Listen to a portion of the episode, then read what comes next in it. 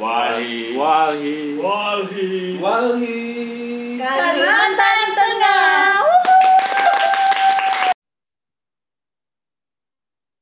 Oke, baik kawan-kawan. Selamat pagi.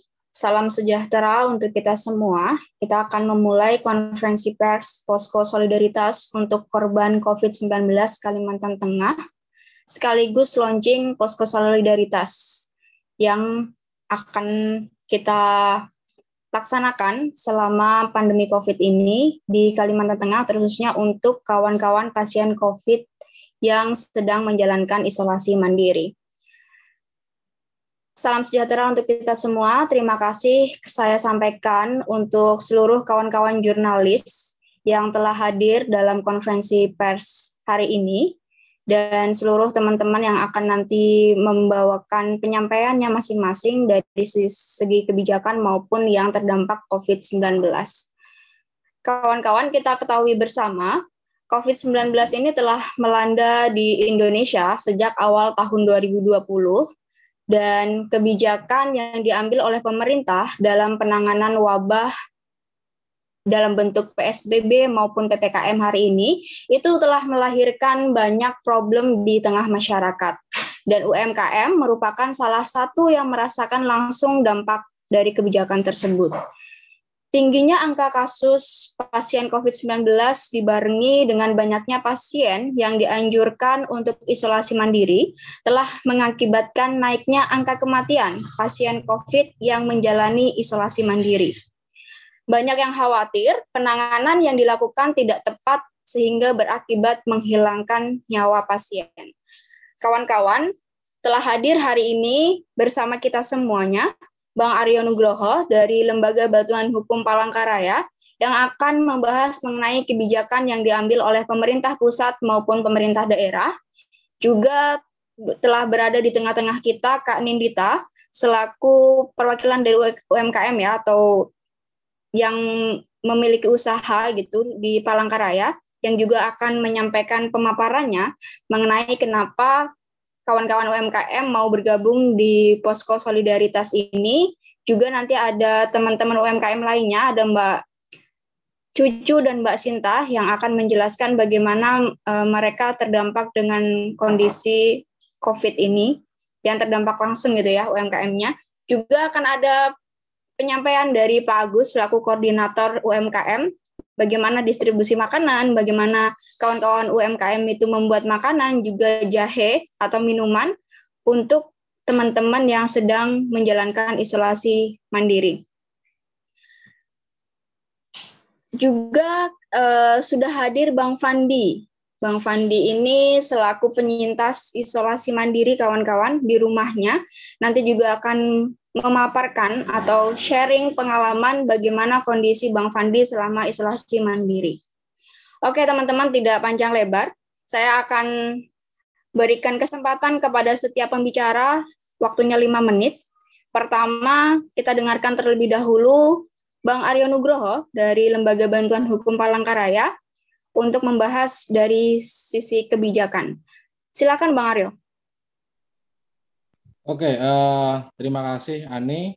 Uh, selamat pagi uh, bagi Bapak dan Ibu yang ada di forum Zoom ini maupun uh, masyarakat luas, uh, khususnya masyarakat Kalimantan Tengah yang mengikuti di uh, kanal YouTube-nya Walhi ya terkait dengan kegiatan hari ini. Nah, uh, terkait dengan apa yang disampaikan tadi oleh Ani mengenai kebijakan uh, COVID ya di uh, Indonesia juga di Kalimantan Tengah. Kami dari uh, LBH Palangkaraya coba melihat ataupun me, apa ya merefleksikan begitu ter, dengan aturan tersebut. Mungkin saya mohon izin untuk screen, screen ya.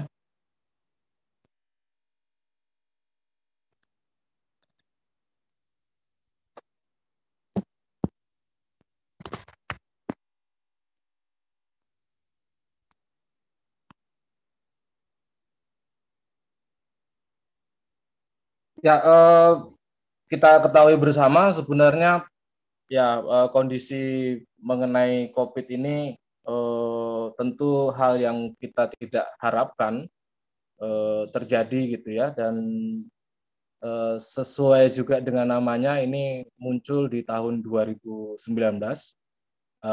akhir kalau tidak salah dan di tahun 2020 pemerintah Republik Indonesia lewat keputusan Presiden nomor 12 menyatakan bahwa COVID itu merupakan bencana non alam sehingga ini kategorinya bencana.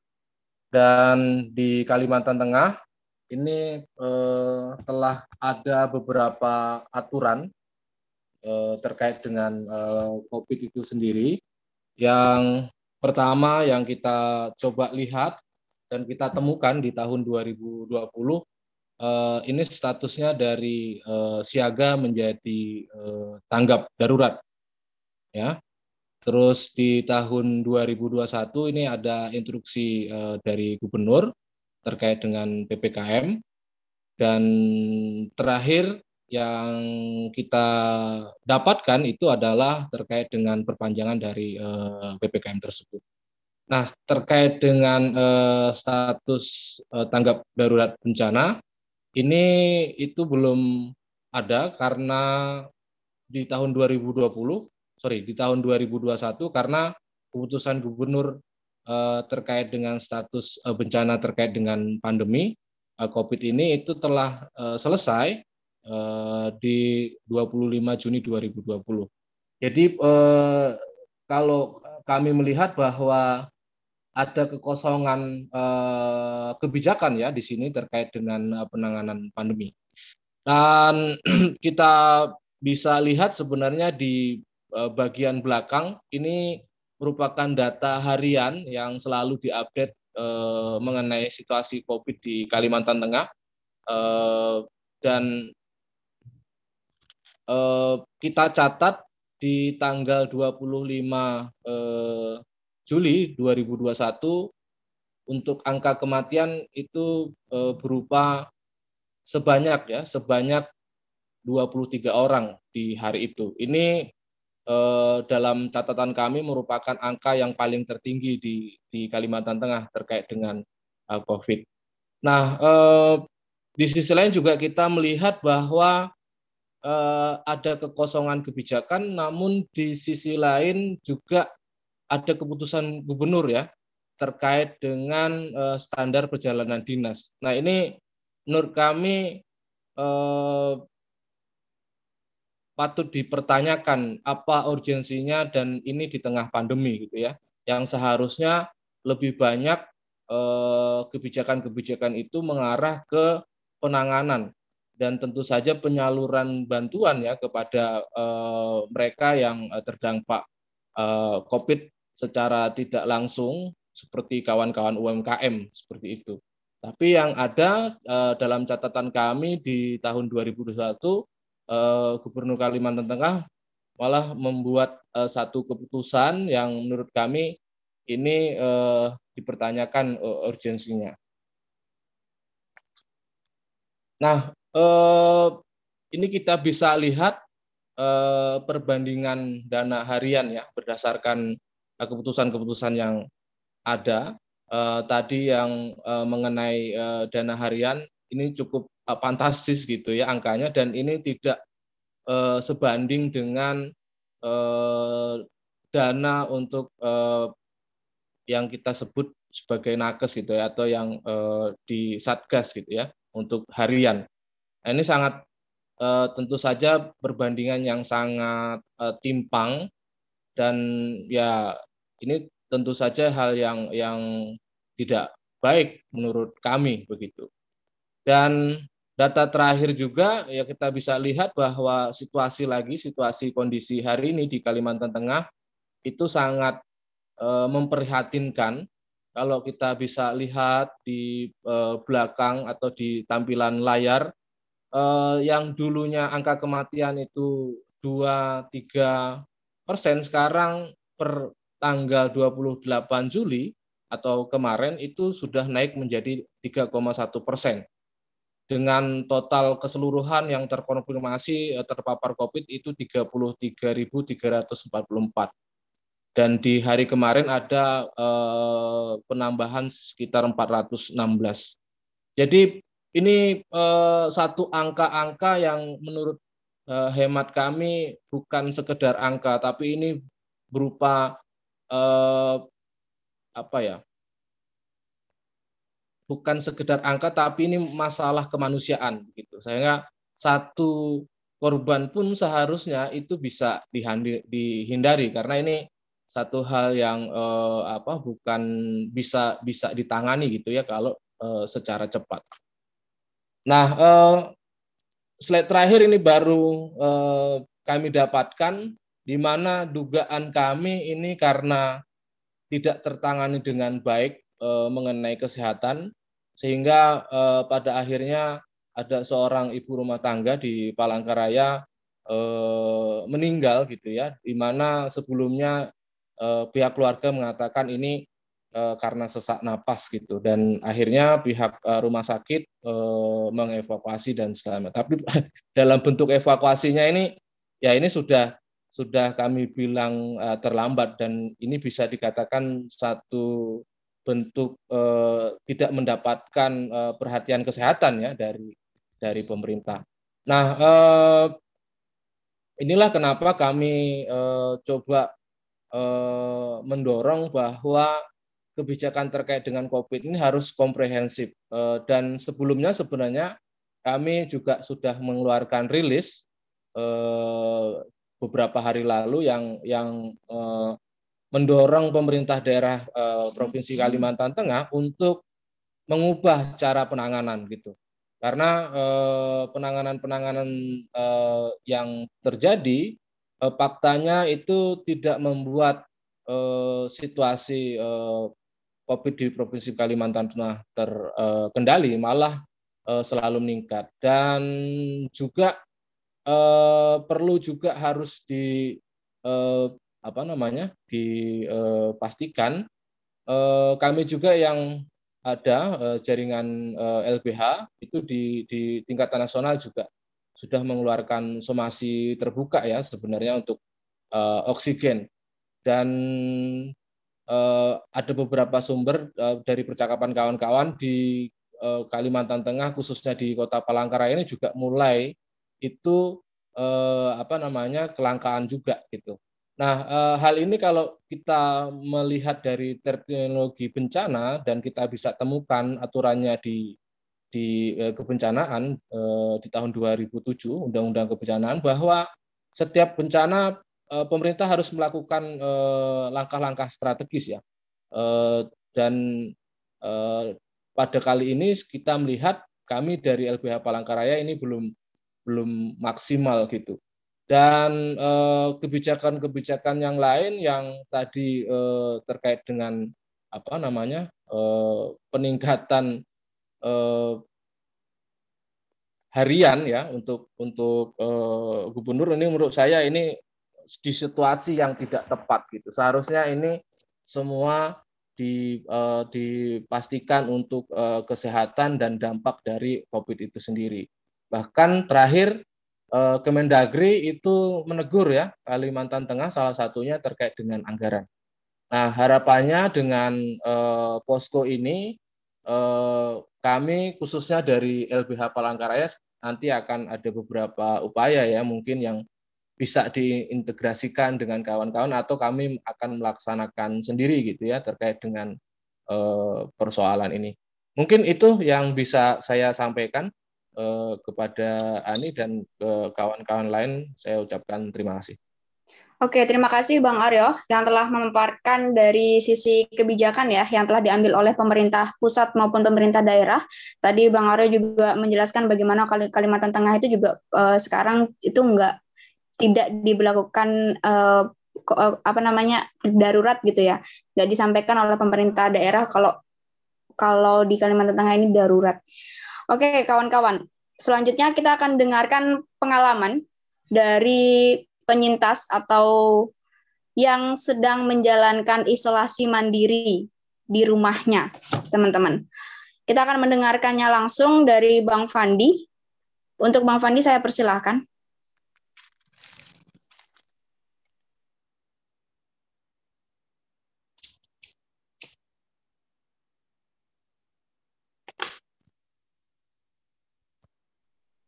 Bang Fandi?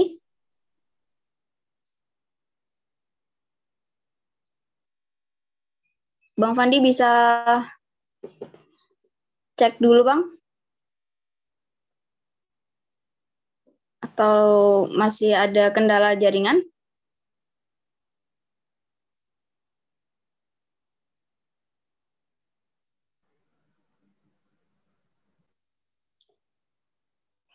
Oke, uh, sepertinya Bang Fandi masih ada kendala kawan-kawan. Kita lanjutkan dulu ke yang lainnya. Kita dengarkan juga dari perwakilan UMKM, ada Kak Nindita. Kak Nindita ini juga akan menjelaskan kenapa kok UMKM juga mau terlibat gitu Kak ya ke posko solidaritas ini. Dan ada beberapa poin penting nanti yang akan disampaikan oleh Kak Nindita. Silakan Kak. Ya, halo Ani dan teman-teman, terima kasih untuk waktunya. Jadi, eh, kenapa UMKM ingin terlibat di posko solidaritas untuk korban COVID-19 ini, padahal kami sendiri sebagai UMKM terdampak dari pandemi COVID ini dan ini sudah masuk tahun kedua ya di pandemi ini. Tahun pertama kami masih berusaha untuk terus bertahan dengan terus berjualan online dan teman-teman yang biasanya berjualan offline juga beralih ke jualan online. Kemudian UMKM itu banyak yang struggle ya uh, banyak yang beralih jualan dari yang mulai jualan crafter tuh teman-teman yang handmade handicraft itu yang paling banyak terkena dampak karena uh, crafter itu adalah kebutuhan tersier bukan kebutuhan primer. Tapi teman-teman UMKM itu beralih kemudian berjualan makanan online itu banyak.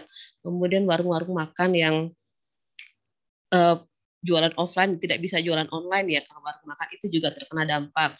Uh, ketika sudah mulai bangkit di akhir tahun 2020 terkena lagi kebijakan PPKM ini.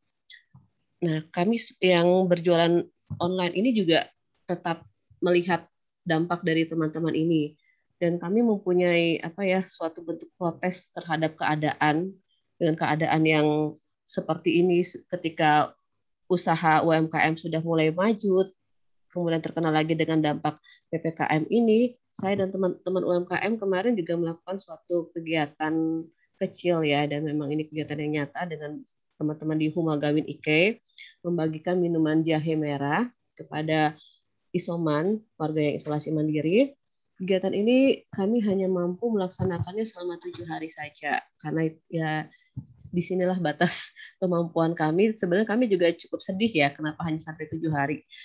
Eh, sampai tadi malam itu masih banyak data-data isoman warga yang positif itu memberikan data kepada saya dan menanyakan apakah masih tersedia jahe merahnya. Ya dengan berat hati saya katakan mohon maaf kegiatan kecil sudah selesai. Kami hanya mampu melaksanakannya selama tujuh hari dengan total 110 alamat sekitar 500 botol sudah kami bagikan kepada warga yang isoman. Jadi ya, kegiatan ini ya di satu sisi merupakan suatu bentuk solidaritas kemanusiaan UMKM kepada warga yang isoman juga uh, bentuk protes keadaan kepada kita yang sekarang ini di mana warga yang isoman itu kurang mendapatkan perhatian dari pemerintah ya. Dan kami juga melihat teman di kelompok kami sendiri yang saat ini sedang isoman otomatis dia tidak bisa berjualan kan? Dan teman-teman UMKM-nya juga yang sudah positif selain tidak bisa berjualan dia juga menutup diri bahwa kadang sedang terkena COVID. Karena akan berdampak juga kejualannya. Otomatis ketika dia open status sekarang sedang positif COVID, dia tidak akan berani untuk melakukan apa posting jualannya ya. Karena kan pasti stigma oh lagi covid nih jangan dulu beli produknya. Nah itu kan juga terkena dampak untuk UMKM nah kemudian yang kedua kenapa saya dan teman-teman UMKM terlibat di posko kemanusiaan ini? Kami mempunyai inisiatif untuk membantu warga yang terdampak isoman ini, nanti kami akan terlibat untuk membuat konsumsi bagi warga yang sedang isoman. Jadi kita nanti akan sama-sama open donasi ya. Dan bagaimana nanti uh, proses pendistribusian dan UMKM mana saja yang akan terlibat itu nanti akan di handle atau dikoordinir oleh Pak Agus Lindrianto. Pak Agus ini sebagai pembina UMKM dari Rumah BUMN Palangkaraya. Pak Agus ini punya banyak uh, UMKM UMKM binaan yang dibina oleh Pak Agus. Dia juga mengenal lebih dekat UMKM-nya. Biar nanti Pak Agus yang akan menjelaskan dan nanti ada dua orang teman yang akan testimoni. Itu aja dulu Ani yang saya sampaikan. Oke, terima kasih Kak Nidita. Jadi meskipun kawan-kawan UMKM juga ter, apa terkena dampak langsung ya kawan-kawan dari kebijakan PSBB terus sudah mulai bangkit lagi ditambah lagi PPKM kebijakan yang yeah. diambil gitu ya. Tapi tetap kawan-kawan UMKM ini mau bergabung dalam posko solidaritas bahkan sudah memulainya duluan gitu ya yeah, teman-teman. Oke terima kasih Kak Nindita. Ya, sebelum teman -teman. saya ke yang lainnya teman-teman dari eh, media kalau ada yang mau ditanyakan itu bisa di kolom chat ya kawan-kawan ya. Sampaikan siapa namanya terus dari media apa apa yang akan apa yang ingin ditanyakan gitu. Itu silahkan di chat di kolom chat. Nanti akan saya berikan kesempatan untuk kawan-kawan bisa menanyakan secara langsung. Baik bang Fandi apakah sudah bisa bergabung?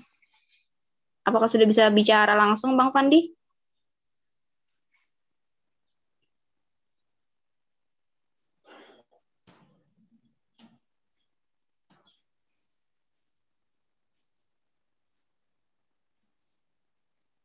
Masih belum bisa ya, Bang Fandi ya? Oke, teman-teman, sambil menunggu Bang Fandi, kita akan ke yang lain lagi. Tadi sudah ada Kak Nirita selaku perwakilan dari UMKM juga. Sekarang saya mau persilahkan ke Mbak Cucu, ya, yang punya Bacinta Palangkaraya ya Mbak Cucu ya, untuk memberikan pengalamannya Mbak, sharing pengalaman. Silakan Mbak Cucu. Oke, terima kasih Mbak Ani. Yes. Uh, ini kita memasuki tahun kedua COVID ya, uh, pandemi. Uh, sedangkan kami UMKM itu sudah mengalami berbagai macam kendala, berbagai macam tantangan untuk bisa tetap bertahan, untuk bisa tetap berjualan, bisa tetap ada pemasukan untuk keluarga. Saya mau cerita pengalaman saya sendiri yang berawal dari uh, pandemi tahun lalu lah tahun 2020. Sebenarnya saya uh, pengrajin decoupage. Jadi ada tas-tas rotan, saya hias, saya kreasi sendiri decoupage. Cukup lancar waktu itu sampai akhirnya ada pandemi datang. Bisa dibilang udah nggak ada lagi orang mikir tas, mikir yang macam-macam. Orang akhirnya mikir kesehatan aja.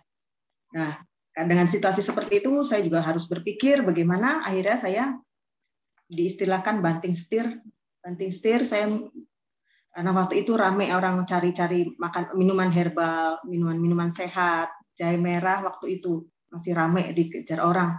Akhirnya saya coba buat jahe merah. Jadi bisa dibayangkan seperti apa terjun bebas dari pengusaha uh, crafter lari ke jamu gitu.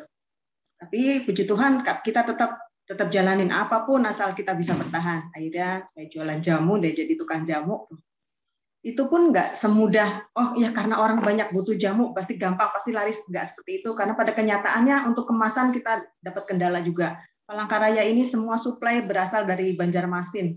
Pada saat ada lockdown nggak ada barang-barang yang bisa dikirim ke Kalteng jadi akhirnya kami kesulitan juga untuk untuk kemasan.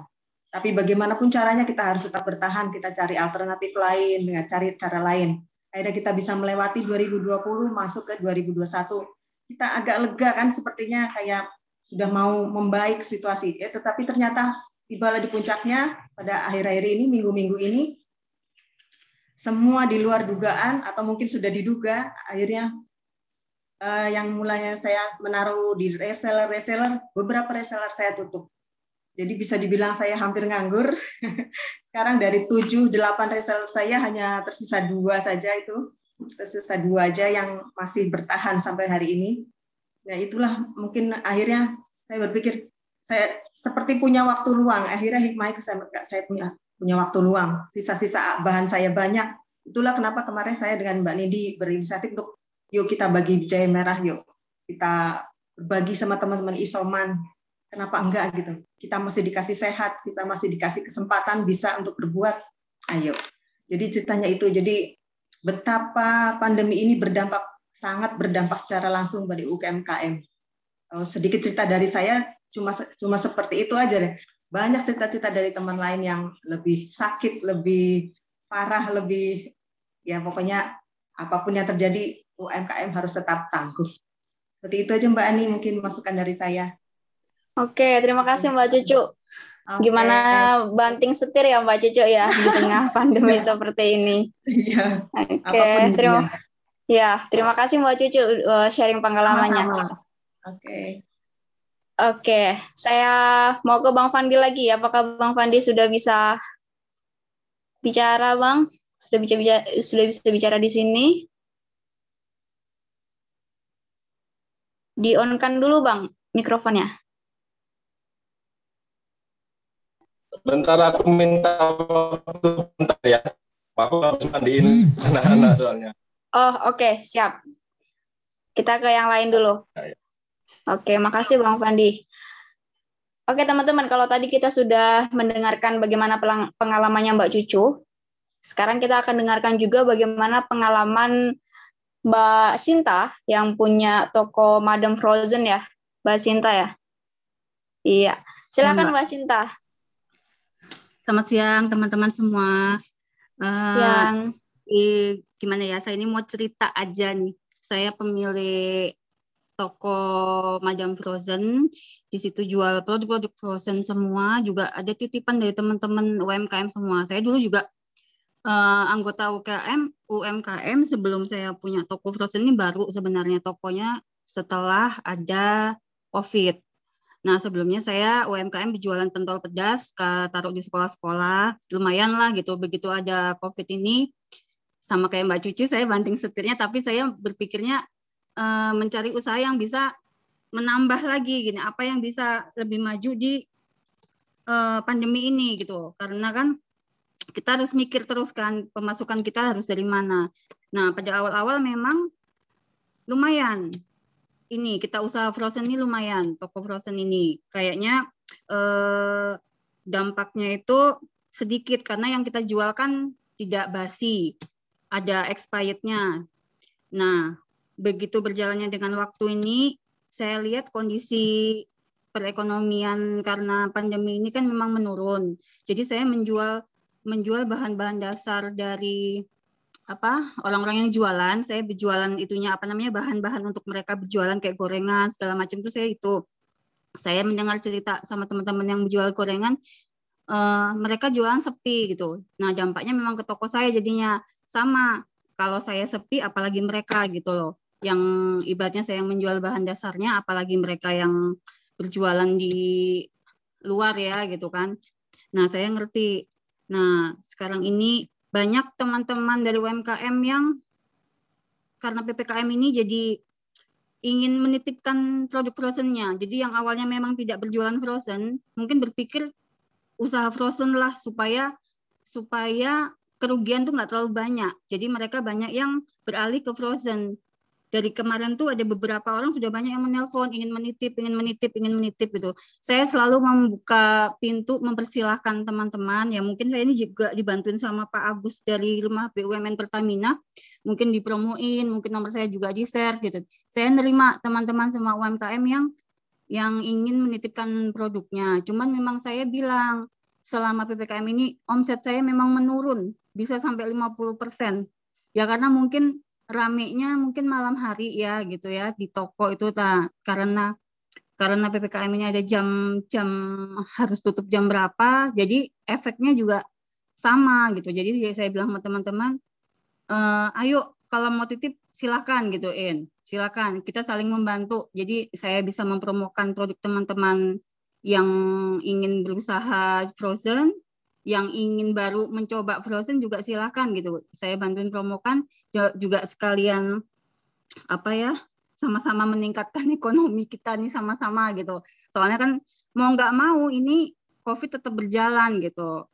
Nah mungkin itu aja uh, cerita tentang tokonya ya. Mungkin saya pinginnya di sini nih mau ngomong mungkin pemerintah mungkin sudah maksimal ya membantu gimana ya membantu usaha untuk menurunkan angka COVID gitu. Tapi mungkin kalau boleh saya saran gitu kan, kalau dulu waktu kita terkena asap uh, wabah apa asap dulu ya kan banyak dibagikan masker-masker di pinggir jalan di lampu merah dikasihkan mungkin itu salah satu bisa meringankan perekonomian uh, masyarakat atau teman-teman yang lain karena saya sering ngobrol itu mereka gini jangankan beli makanan gitu. Jangankan beli jajan ya gitu. Kan kita mesti beli masker beli vitamin beli apa ya pokoknya yang berhubungan dengan covid gitu. Nah mungkin kalau ada bantuan dari pemerintah yang menurut saya ya kecil masker yang mungkin yang harga seribuan yang di pinggir jalan mungkin bisa dibagikan setiap lampu merah kayaknya bisa mengurangi teman apa namanya membantu perekonomian UMKM juga gitu. Nah, mungkin ibu-ibu seperti saya ini kan kadang mikir dengan uang misalnya lima puluh ribu, seratus ribu misalnya harus beli beras, harus beli ini, tapi karena di rumah kita ini ada beberapa orang perlu masker setiap hari kita nih beraktivitas di luar, masker kan nggak mungkin satu harus ganti misalnya dari pagi sampai siang, siang sampai sore. Nah, alangkah menyenangkan dan mungkin lebih tenang kalau di setiap lampu merah kah, atau di pinggir jalan ada yang membagikan masker seperti waktu kita asap kemarin itu bisa mengurangi pengeluaran dan mungkin ya bisa membantu sedikit buat perekonomian teman-teman. Itu aja Mbak Ani, saya cuma curhat-curhat sedikit aja. Oke. Okay. Terima kasih Mbak Sinta ya, untuk sharing pengalamannya juga. Mbak Sinta hmm. juga banting setir nih sama dengan Mbak Cucu ya. ya gimana ya, semangat, Mbak. Iya, gimana caranya biar uh, nggak nggak mengalami penurunan penurunan yang sangat drastis gitu ya. Hmm. Kawan-kawan dari UMKM ini. Oke, terima kasih Mbak Sinta. Kita kita lanjut ke Pak Agus ya dari Rumah BUMN selaku yang mengkoordinir UMKM. Silakan Pak Agus. Eh, baik, terima kasih untuk waktu dan kesempatannya Mbak Ani dan teman-teman salam kenal. Assalamualaikum warahmatullahi wabarakatuh. Selamat siang. Perkenalkan, saya Agus Lindrianto. Saya sebagai fasilitator dari Rumah BUMN Palangkaraya rumah BUMN ini kita di bawah Kementerian BUMN yang merupakan wadah pembinaan dan berkumpulnya UMKM kota uh, di setiap kota dan kabupaten. Kebetulan untuk Kota Palangkaraya kita di bawah BUMN Pertamina. Jadi tugas kita adalah kita melakukan pendampingan dan pembinaan kepada UMKM. Jadi ada banyak UMKM yang kita bina dan kita dampingi.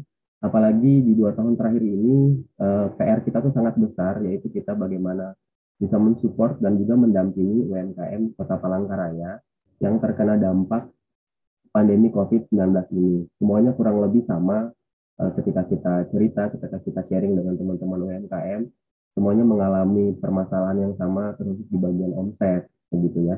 Dan untuk rumah BUMN Palangkaraya sendiri kita ada kurang lebih ada 600 UMKM yang terdata di database kita sebagai UMKM binaan kita dan salah satunya seperti Dapur Sebes Mbak Nindi, uh, Bajenta punya Mbak Cucu dan Madam Frozen punya Mbak Cinta dan saya lihat juga ada Mbak Lia di owner GT Fresh itu juga salah satu uh, beberapa UMKM binaan yang tergabung dalam rumah BUMN Palangkaraya. Jadi nantinya untuk uh, untuk kegiatan dan kegerakan ini kita dari rumah BUMN siap untuk uh, mengajak teman-teman UMKM yang bisa bekerja sama terus untuk pengadaan bantuan untuk teman-teman yang terkena COVID yang terus untuk isoman. Jadi nanti kita akan mengkoordinir teman-teman UMKM.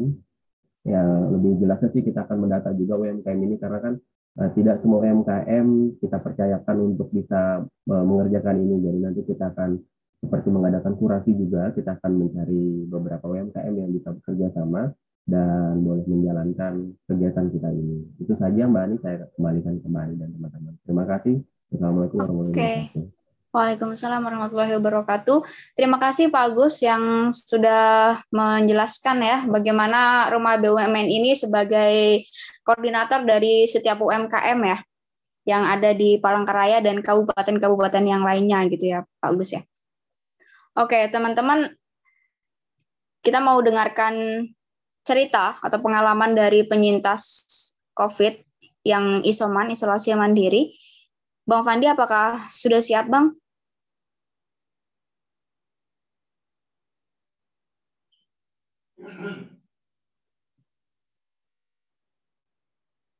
Bang Fandi?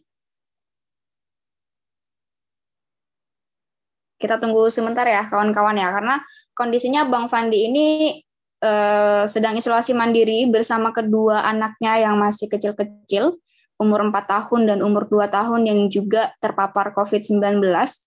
Jadi kita ketahui bagaimana kondisinya Bang Fandi di rumah yang sangat sibuk sekali, tidak hanya mengurus diri sendiri, tapi juga kedua anaknya gitu.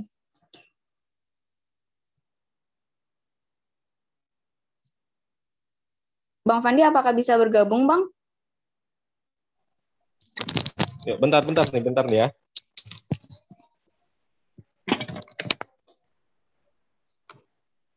Oke. Oke, teman-teman. Uh, sambil-sambil ya, kawan-kawan ya.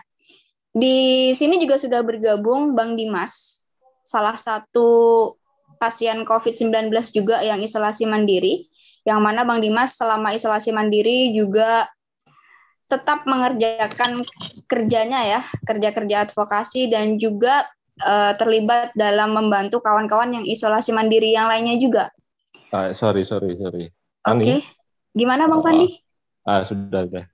Oke. Okay. Oke, okay, ke Bang Fandi dulu. Iya, ya. Silakan Bang Fandi. Ribet. Mm -mm. Gak apa-apa, silakan Bang. Ya, Nah, terima kasih kawan-kawan semuanya. Pertama saya ucapkan untuk kawan-kawan Pusko yang selama saya terkonfirmasi positif COVID hingga isolasi hari ke-12 ini kawan-kawan masih support saya dan keluarga dengan cukup baik. Yang kedua, uh, di satu keluarga saya itu ada saya, istri dan dua anak saya masih balita, yang paling besar umur empat tahun, yang paling kecil umur satu setengah tahun, dua-dua positif kemarin. Jadi pertama ya memang uh, sebagai pelaku atau orang yang memang mengalami sendiri COVID itu uh, cukup berat ya pertama itu yang perlu bagi pengalaman bagi kawan-kawan yang apa mengenangani pasien COVID atau orang-orang isolasi mandiri yang perlu dikuatkan yang pertama itu adalah mental. Karena saya merasakan sendiri hari sejak terkonfirmasi positif itu mental mental serasa sudah ambruk itu kan.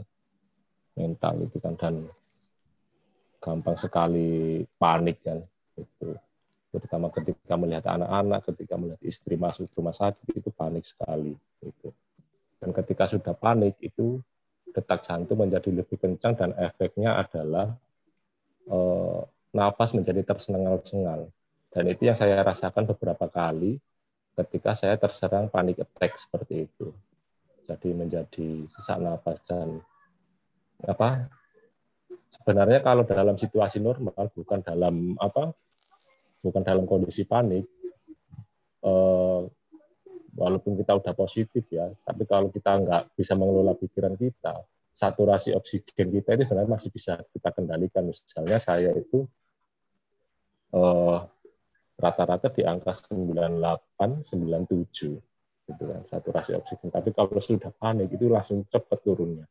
Bisa langsung 94 92 juga bisa ke bawah 90 sampai ke 80 itu pernah itu kalau sudah terkena serangan panik maka yang paling pertama adalah eh, teman-teman ketika membantu menjadi apa membantu membantu orang yang isolasi mandiri yang perlu dibangun terhadap si pasien itu yang melakukan isolasi mandiri itu adalah mentalnya yang perlu kita bangun kita kuatkan biar dia optimis itu karena itu juga yang saya rasakan ketika saya udah hampir putus asa, saya mendapatkan telepon dari kawan yang penyintas juga, itu kan. Penyintas, dia juga mantan pasien COVID. Saya ditelepon, pertama ditanyain, kamu demammu berapa lama? Dua hari. dan sudah masih demam sampai sekarang sudah selesai nggak ada demam tinggal pegel-pegel dan sesak napas udah itu sembuh kamu gitu kan. Ketika melihat mendengar kata itu udah kamu sembuh itu. Itu langsung seperti ada energi baru yang masuk dalam tubuh saya tinggi sekali. Gitu kan. Karena awalnya ketika saya nggak dapat informasi seperti itu saya merasakan bahwasanya apa semua badan sakit dan yang lain apa itu akibat daripada COVID itu sudah menjalar ke tubuh saya. Gitu kan. Padahal ternyata ketika saya mendapat penjelasan kawanku kawanku waktu itu bahwasanya masa demam itu adalah masa kritis ketika COVID berperang dengan virus itu berperang dengan antibodi kita, gitu kan. gitu. Kalau sudah nggak ada demam, artinya itu tinggal recovery lah.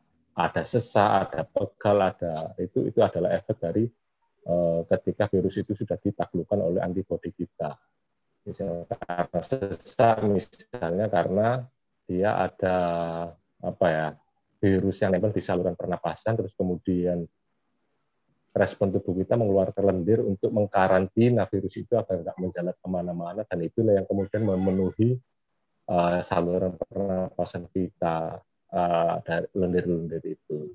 itu. Nah, itu jadi uh, untuk mengelola teman pasir teman-teman yang sedang menjalani isolasi mandiri itu memang cukup penting kita bangun adalah soal mentalnya biar tidak gampang menyerah itu kan. Saya pernah merasakan itu kan waktu itu dan juga harus dia juga harus punya motivasi lebih untuk bangkit melawan virus itu. Misalnya karena pada satu titik saya saturasi sudah di apa 85 ke bawah sudah cukup rendah kan, sudah hampir mau pingsan waktu itu gitu karena kondisi bernapas udah cukup susah itu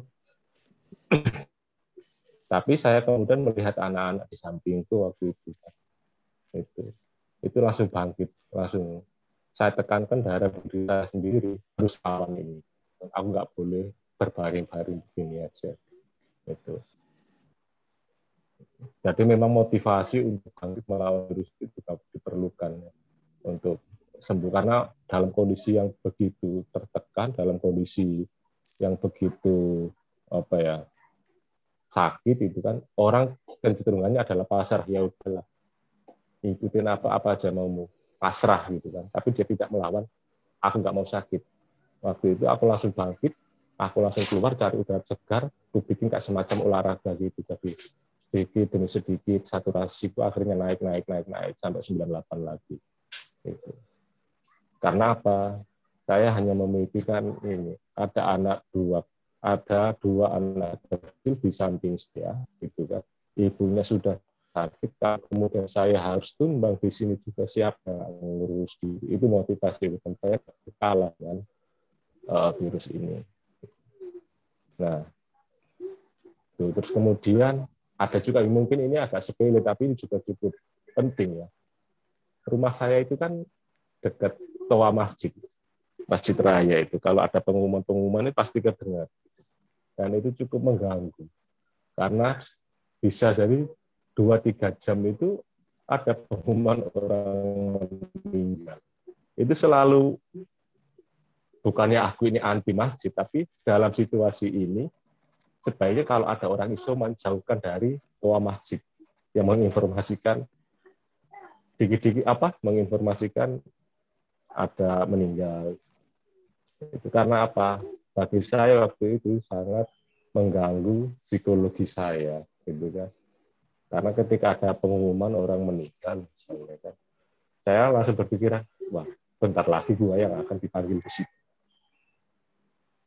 itu. Jadi kalau sudah berpikiran seperti itu pikirannya kita bangun itu tetap positif thinking dan apa semangat itu akhirnya runtuh seketika. Itu. Dan kalau sudah pikiran apa positif dan itu kemudian runtuh dan data panik attack itu tiba-tiba saturasi turun dada berdebar-debar ya. Ketika sudah ada berdebar-debar jadi masak nas udah itu tanda tandanya dan apa napas menjadi sesak itu uh, dia seperti apa ya? Silent gitu aja datangnya. Tiba-tiba langsung oximeter bunyi alarmnya titit titit udah di bawah. Itu kalau kita nggak langsung bangkit dan mencari pola itu, itu saya pikir itu sudah lewat dan saya selalu menonton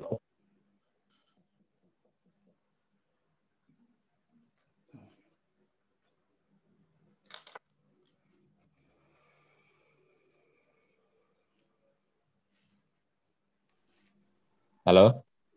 Ya, lanjut, Van. Ah, ah itu. Jadi uh, bagi kawan-kawan yang ada di Skosko untuk mengelola teman-teman yang sedang melakukan isolasi mandiri, bagi saya yang paling penting dan sangat urgent adalah membangun mental mereka. Biar nggak gampang drop. Itu saja sih pesan saya karena itu pengalaman saya ketika saya dalam posisi mental yang drop itu sakitnya minta ampun. Itu. Sih.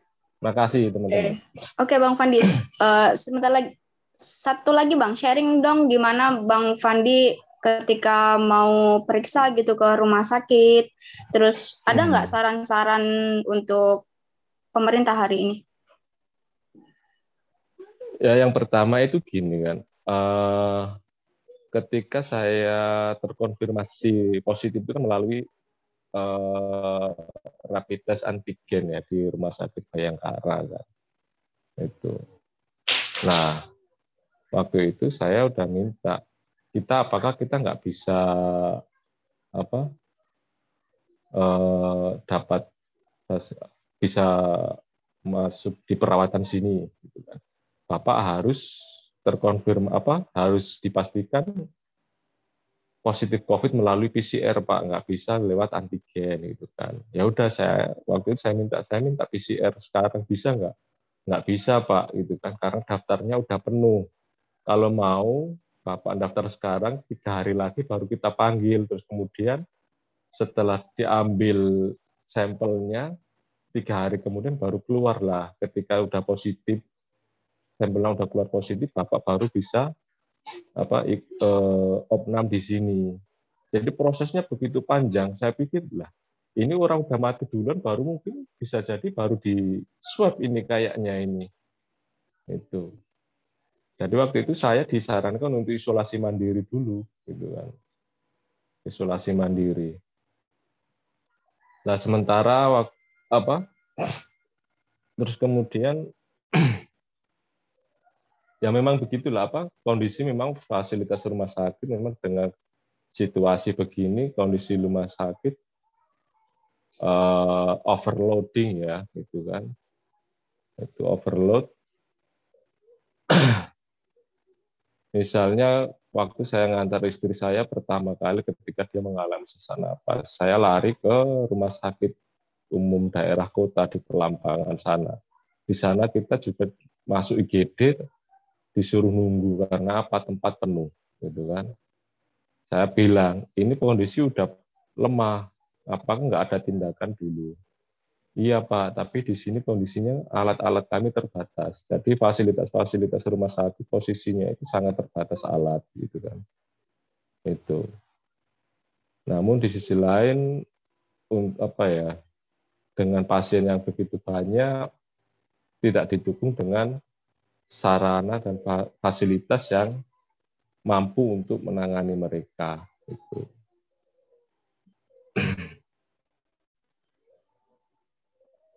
Yaitu dan, dan juga proses birok proses saya pikir juga proses birokratis yang juga masih cukup panjang ya itu uh, untuk penanganan pasien COVID ini. Karena gini, kita untuk screening saja harus daftar antri Sementara yang melayani cuma dua orang, yang antri bisa sampai ratusan orang, ribuan orang. Gitu kan. Itu baru antri kita ngambil nomor apa baru antri untuk di screening ya. Ketika di screening keluhannya apa bla bla bla bla baru dikasih resep untuk ngambil sampel darah untuk melakukan sampel darah ambil darah untuk diuji lab itu juga antri berjam-jam. Terus kemudian setelah diambil sampel, baru kemudian kita cerita di foto ronsen. Itu. Setelah di foto ronsen, baru antri ngambil obat. Bayangkan empat kali proses yang kita lakukan dan harus menunggu berjam-jam. Kita datang jam 8, mungkin bisa jam 7 malam baru selesai itu proses untuk melakukan proses. Dan saya pikir ini nggak efisien sekali penanganan seperti ini.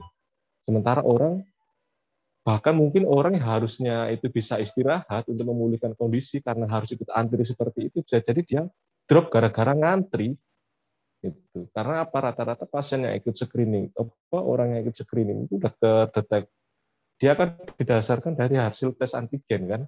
Baru kemudian disarankan untuk screening ke policovid baik itu milik rumah sakit Doris atau rumah sakit milik kota.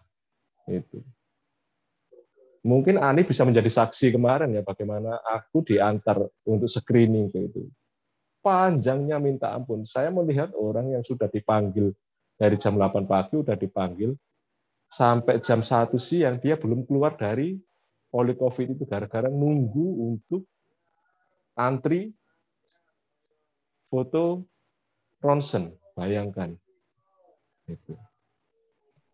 Oke, Bang. Oke, terima kasih Bang Fandi sudah sharing hmm. bagaimana kondisi Bang Fandi ya dan keluarga di rumah yang sedang isolasi yeah. mandiri. Terima kasih banyak, Bang. Yeah. Iya. Uh, itu membuka kita membuka informasi yeah. kepada kita semua ya, kawan-kawan, bagaimana kondisi pasien COVID-19 yang sedang menjalankan isolasi mandiri itu tantangannya luar biasa, bahkan sampai ke mental ya, teman-teman ya. Oke, terima kasih kembali ke Bang Fandi. Selanjutnya, kawan-kawan, kita dengarkan satu lagi penyintas uh, pasien COVID-19 yang juga uh, sedang isolasi mandiri ya kala itu. Sekarang sudah negatif dan beliau juga saat isolasi mandiri tetap menjalankan aktivitas-aktivitas aktivitasnya uh, melakukan advokasi dan juga membantu kawan-kawan isolasi yang sedang isolasi mandiri gitu. Saya persilakan ke Bang Dimas. Baik, eh, terima kasih banyak Ani. Eh, saya Dimas, Dimas Novian Hartono, dan sekitar empat minggu yang lalu saya dinyatakan eh, positif melalui tes antigen. Eh, pada saat itu memang sebelumnya saya mengalami eh, demam selama tiga hari pada saat itu dan dalam hati saya udah bilang oh ini saya kena karena selama saya hidup saya tidak pernah merasakan sakit badan dan demam sampai berhari-hari. Baru kali ini saya merasakan sakit badan yang keseluruhan dari ujung rambut sampai ujung kaki dan merasakan demam yang cukup panjang. Akhirnya di hari keempat eh, saya memutuskan untuk rapid antigen dan dinyatakan eh, positif setelah itu saya langsung berkomunikasi dengan teman-teman saya yang sudah pernah mengalami hal serupa. Eh, saya konsultasi, saya nanya apa yang harus dilakukan, terus bagaimana selanjutnya, terus apakah saya harus isolasi mandiri atau eh, ke rumah sakit dan lain sebagainya.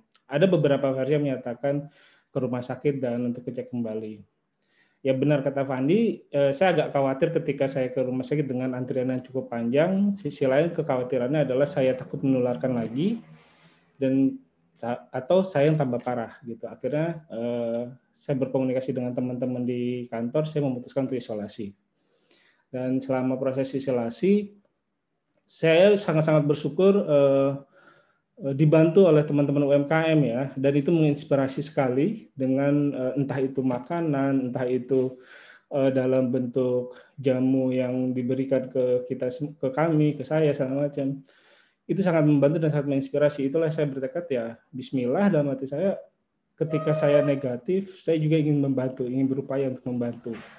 Seperti itu. Dan saya pun memutuskan untuk isolasi mandiri tapi tentunya juga ada beberapa hal yang cukup membantu di mana ada konsultasi yang via WhatsApp ya eh, ke dokter-dokter ke dokter yang eh, sangat membantu apa kalau keluhan apa yang saya alami terus terus saya perlu obat apa dan lain sebagainya. Dan banyak juga teman-teman yang mensupport saya baik entah itu dalam bentuk makanan obat-obatan hingga vitamin Uh, bahkan ya benar kata Fadi, teman-teman yang ngajak diskusi, ngajak ngobrol itu sangat membantu supaya kita teralihkan dengan rasa khawatir dan rasa ketakutan yang terlalu dalam. Jadi ya beberapa kali saya video call dengan teman-teman, dengan keluarga tentunya pasti itu uh, saling menguatkan.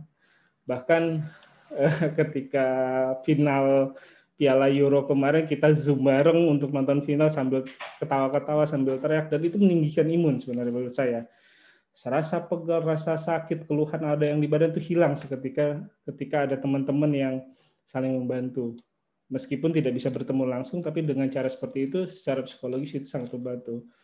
Nah, ketika saya mendengar teman saya, Fandi, mengalami hal serupa, itu pun yang kita upayakan. Dan tentunya juga dengan Eh, protokol kesehatan telah ditentukan ya. Uh, saya datang ke setelah negatif saya datang ke tempat mandi tapi tidak berhadapan atau berkontak secara langsung dengan ada jaga jarak menggunakan masker. Hanya sebatas ngobrol saja tanpa harus macam-macam ngobrol biasa ngobrol yang tidak jelas mungkin. Tapi ya karena saya pikir karena itu yang bisa membantu kita semua. Terus belum lagi uh, ketika ada diperlukan oksigen segala macam, uh, kita berupaya sama-sama untuk mencari oksigen dan kebetulan untuk istrinya Fandi untuk mencari oksigen dan sebagainya kita upayakan sama-sama dengan teman-teman yang lain. Jujur saja uh, inspirasi itu timbul dari teman-teman UMKM yang melakukan gerakan kawan bantu kawan ini. Dan tanpa adanya itu mungkin ya kita nggak tahu ya, maksudnya tanpa adanya itu semangat kita mungkin akan turun karena membaca berita yang cukup menyeramkan, terus membaca informasi-informasi yang saling bertentangan segala macam, gitu. Dan konsultasi via WhatsApp yang ke dokter langsung itu sangat juga membantu karena ketika saya ada keluhan saya akan tanya ini gimana gitu. Kebetulan juga ada teman saya yang perawat dan juga pernah positif juga saya diskusi dengan dia seperti itu. Jadi hal-hal yang mungkin sepele tapi itu memberikan semangat, memberikan uh, gairah lagi untuk berupaya tetap hidup. Nah, apalagi uh, ketika saya isolasi kan jauh dari keluarga, keluarga saya di Kapuas, saya di Palangkaraya, ya lumayan ini ya, uh, lumayan ngedrop juga ketika anak saya nelpon, kok nggak pulang, kok nggak ini segala macam, ya. Hal-hal seperti itu membuat semangat oh saya harus sembuh karena saya harus ketemu anak-anak. Itu saya harus sembuh karena saya harus membantu teman-teman juga.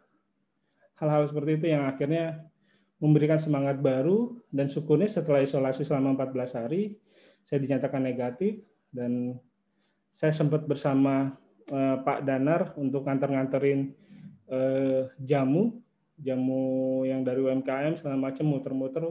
Kalau tidak salah sekitar dua hari full kita muter-muter untuk nganter-nganterin dan ya saya melihat memang perlu uh, banyak yang harus diperbaiki dalam skema penanganan uh, wabah ini. Saya yakin banyak upaya yang sudah dilakukan oleh pemerintah, hanya saja memang uh, kendala dari fasilitas yang tidak apa yang terbatas nakes yang terbatas segala macam itu pun menjadi terkendala sendiri dan itu memang harus kita pecahkan di sini kawan bantu kawan bukan untuk eh, menggantikan peran pemerintah tidak tapi untuk mengisi kekosongan-kekosongan yang belum uh, pernah ada dan memberikan semangat-semangat baru bagi kawan-kawan uh, yang lain yang mengalami yang serupa seperti yang dialami oleh saya, oleh Fandi, dan kawan-kawan yang lain di sini. Mungkin itu saja, Ani. Oke, terima kasih Bang Dimas. Diperjelas ya oleh Bang Dimas tadi kawan-kawan bahwa posko solidaritas untuk korban COVID-19 Kalimantan Tengah ini itu bukan untuk mengambil alih tugas pemerintah, tapi untuk mengisi kekosongan-kekosongan yang ada gitu. Uh, baik kawan-kawan, ini semuanya sudah sharing dan memaparkan ya ada tadi kajian dari sisi kebijakan, terus kawan-kawan UMKM, juga kawan-kawan penyintas udah sharing semuanya kita masuk ke sesi tanya jawab teman-teman dari tim dari media yang mau bertanya apakah ada? Saya persilahkan kalau ada yang mau bertanya kawan-kawan media.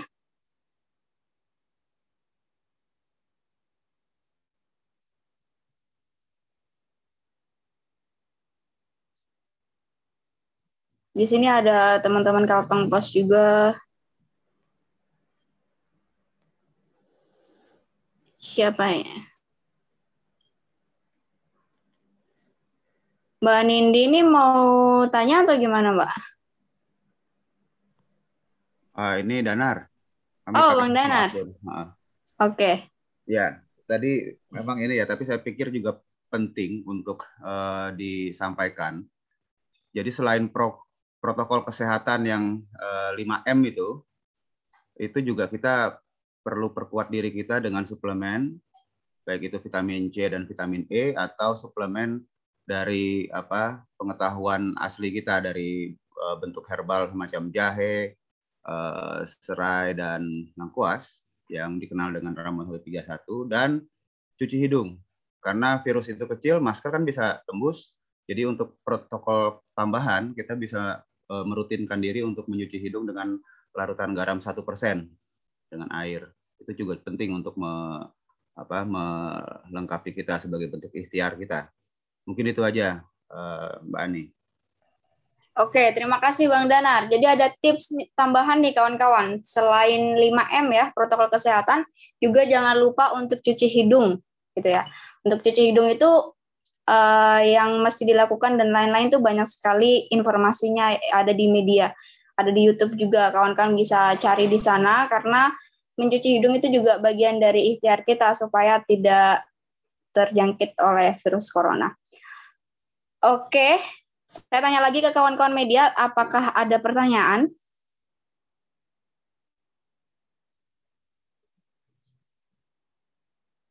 Kita masih tunggu kalau ada pertanyaan, teman-teman.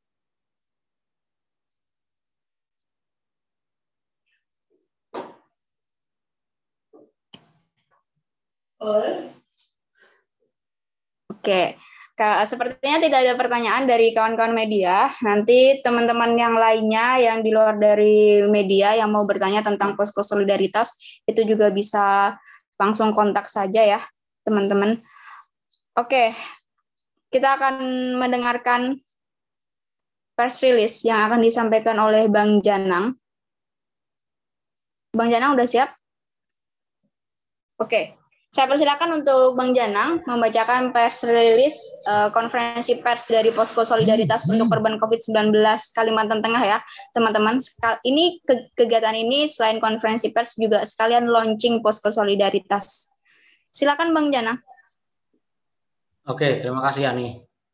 Uh, baik uh, rekan-rekan media dan rekan-rekan uh, sekalian dalam yang tergabung dalam solidaritas untuk korban COVID 19 Kalimantan Tengah. Saya akan bacakan rilis yang uh, menjadi catatan kita hari ini. Uh, rilis Posko Solidaritas untuk Korban COVID-19 Kalimantan Tengah dengan hashtag warga bantu warga mendapatkan pelayanan kesehatan adalah hak rakyat Kalimantan Tengah. Pasal 28H ayat 1 Undang-Undang Dasar Republik Indonesia menyatakan bahwa setiap orang berhak hidup, sejahtera lahir dan batin, bertempat tinggal, dan mendapatkan lingkungan hidup yang baik dan sehat serta berhak mendapatkan kesehatan. Pada tanggal pada tanggal 13 April 2020, Presiden Republik Indonesia mengeluarkan keputusan Presiden dalam bentuk Kepres nomor 12 tahun 2020 tentang penetapan bencana non alam penyebaran COVID-19 sebagai bencana nasional. Pada tanggal 16 April 2020, Gubernur Kalimantan Tengah mengeluarkan keputusan Gubernur nomor 188.44 garis miring 104 garis miring 2020 tentang perpanjangan status tanggap darurat bencana pandemi COVID-19 di wilayah Provinsi Kalimantan Tengah tahun 2020. Pasal 48 D.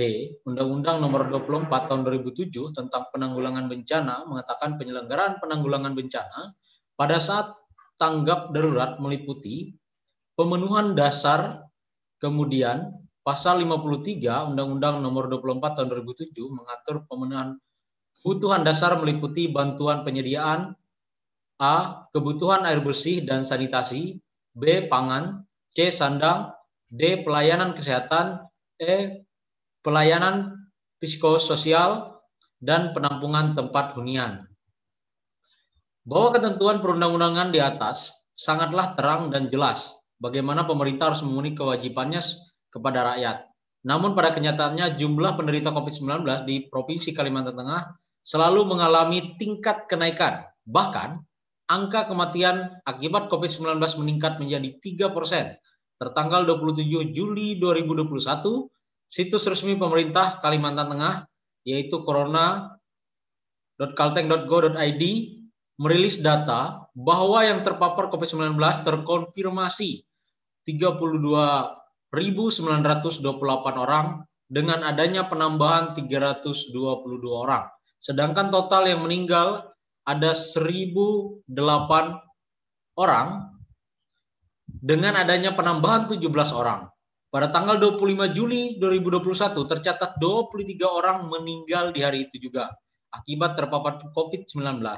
Ini merupakan angka tertinggi selama ini semasa COVID-19 ada di Provinsi Kalimantan Tengah.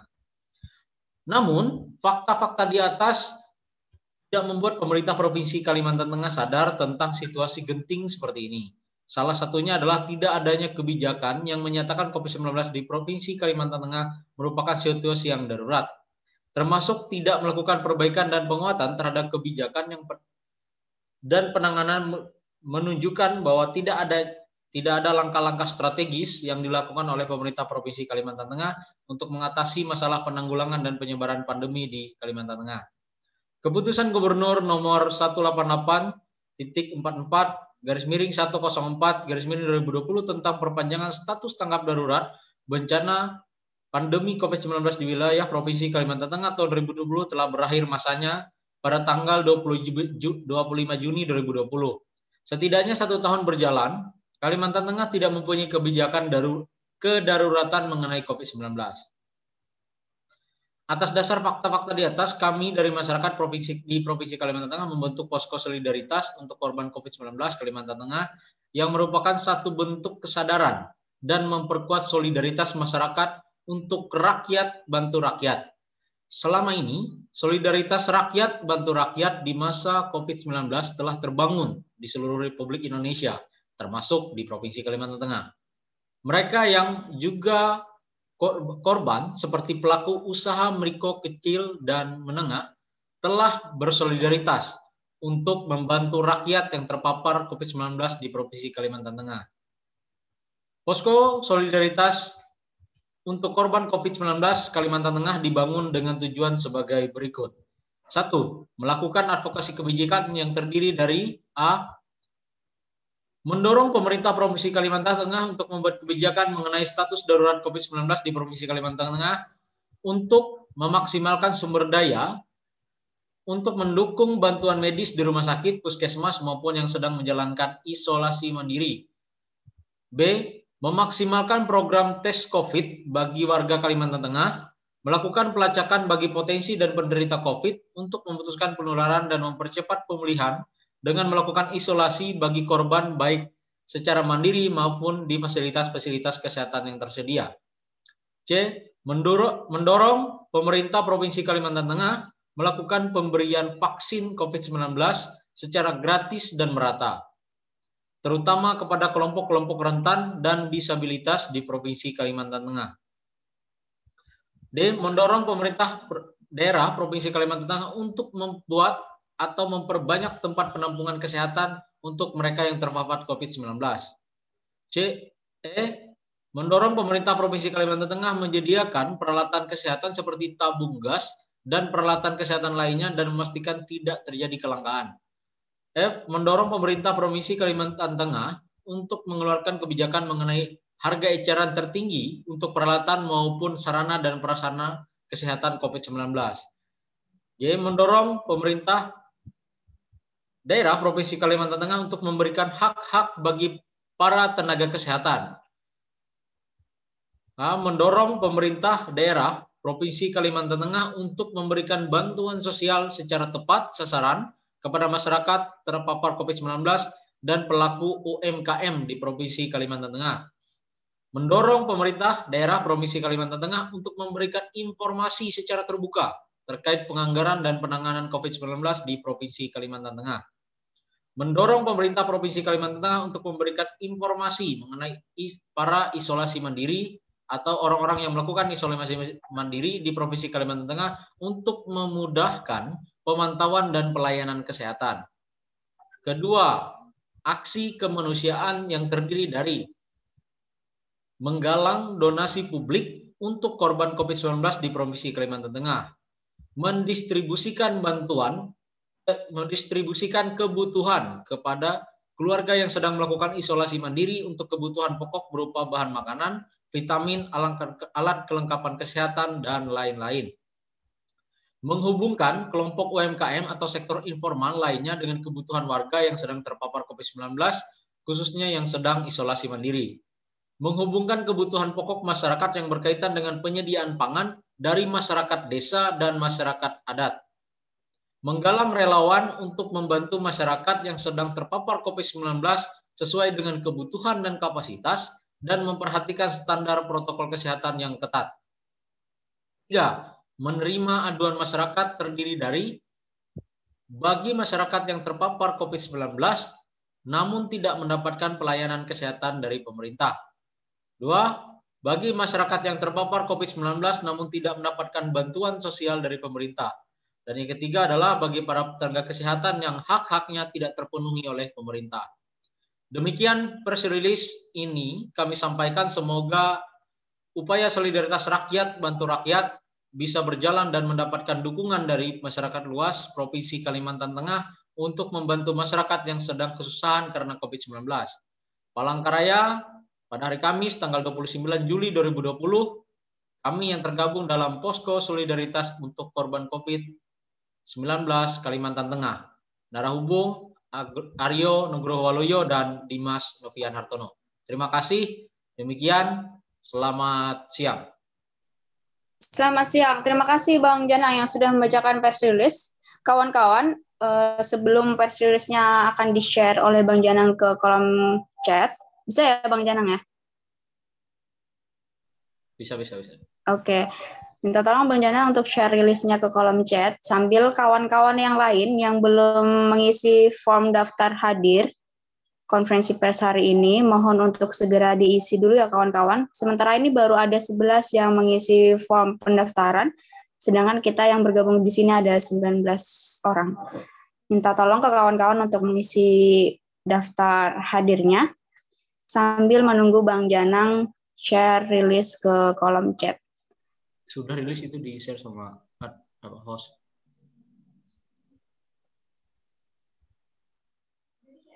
sudah di share sama sama host oke okay. sudah di share sama host ya rilisnya oke okay, teman-teman sebelum saya tutup kegiatan konferensi pers sekaligus launching posko solidaritas untuk korban COVID-19 di Kalimantan Tengah ini, saya mohon kawan-kawan untuk menghidupkan seluruh kameranya agar kita bisa foto bersama terlebih dahulu, kawan-kawan.